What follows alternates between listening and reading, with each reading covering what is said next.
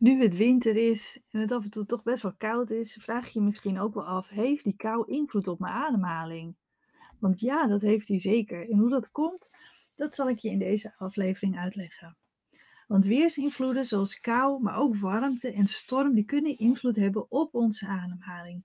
Met kou zal je dat snel merken, omdat het vaak ook pijn kan doen bij het inademen en je daardoor een benauwd gevoel kunt krijgen herken je misschien wel, hè? als het koud is, hè, dat je toch uh, je schouders optrekt, dat je wat verkrampter gaat bewegen, maar ook dat die inademing, dat die koude dat zeer doet, waardoor je niet lekker kan ademen, daardoor dat je meer last krijgt van je klachten.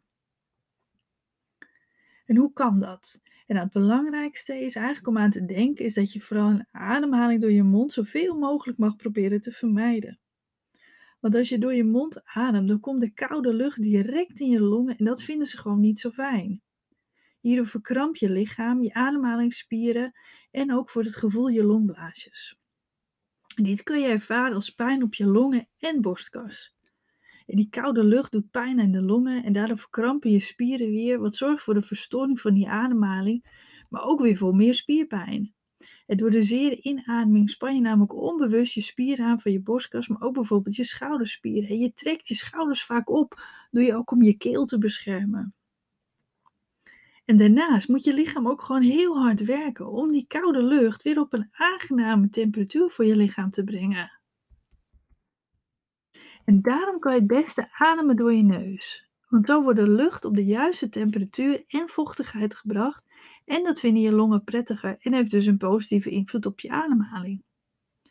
Maar ja, dan denk je, ja, dat is leuk, Nicole. Maar dat lukt mij niet om door mijn neus te ademen. Want vooral met dit weer zit je neus gewoon vaak verstopt.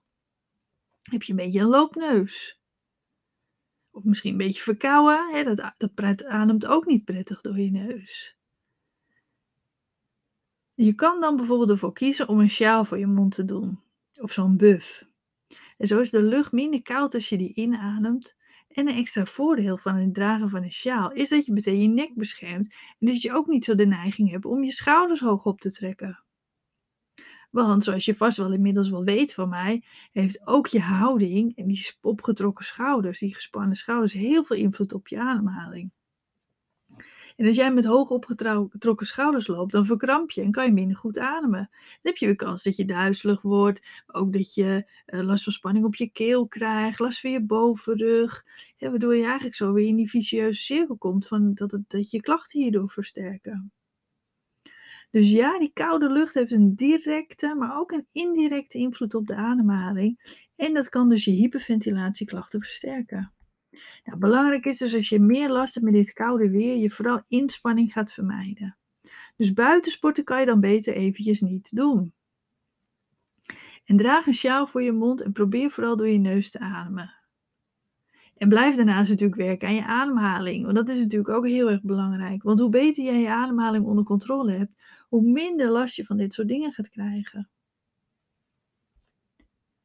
Maar ja, die koude lucht is natuurlijk gewoon op zich hartstikke goed voor ons om lekker te bewegen. Dus probeer het niet te vermijden als je merkt dat je last van hebt. Maar probeer met de tips aan de slag te gaan. Zorg dat je je goed warm aankleedt. Zorg dat je, dat je nek je, je keel dat die goed beschermd is. Dus draag een hoge jas bijvoorbeeld. Of een lekkere warme sjaal. En als je merkt dat die koude lucht zeer doet op je ademhaling, dan kan je bijvoorbeeld een dunne sjaal of zo'n buff, en dat is zo'n zo'n ronde kool, zeg maar, uh, dragen, wat heel erg prettig is. En dat je daardoor gaat ademen. Alleen als het vriest, en dan kan dat natuurlijk, die condens natuurlijk wel weer zorgen dat, uh, dat het een beetje bevriest. Maar ja, hier in Nederland vriest het natuurlijk niet zo heel vaak. Um, maar kijk eventjes wat dan prettig is. En probeer vooral je inspanning ook aan te passen, dus dat je even wat rustiger wandelt. Dus niet zo snel gaat wandelen, waardoor je ook niet zo hoog en veel meer hoeft te ademen. Dat zijn natuurlijk ook dingen waar je rekening mee kan houden. Maar als je je afvraagt dus, heeft die kou invloed op mijn ademhaling? Ja, net als dat heel warm weer dat kan hebben, maar ook storm. Ook daar heb ik podcastafleveringen over opgenomen. Dus mocht je het interessant vinden, kan je die altijd ook beluisteren. En kijk voor heel veel meer uitleg over hyperventilatie en tips op mijn website www.hyperventilatiecoach.nl. Via dit zoekbalk kan je bijvoorbeeld je klachten intypen en krijg je heel veel extra uitleg te lezen. Bedankt weer voor het luisteren.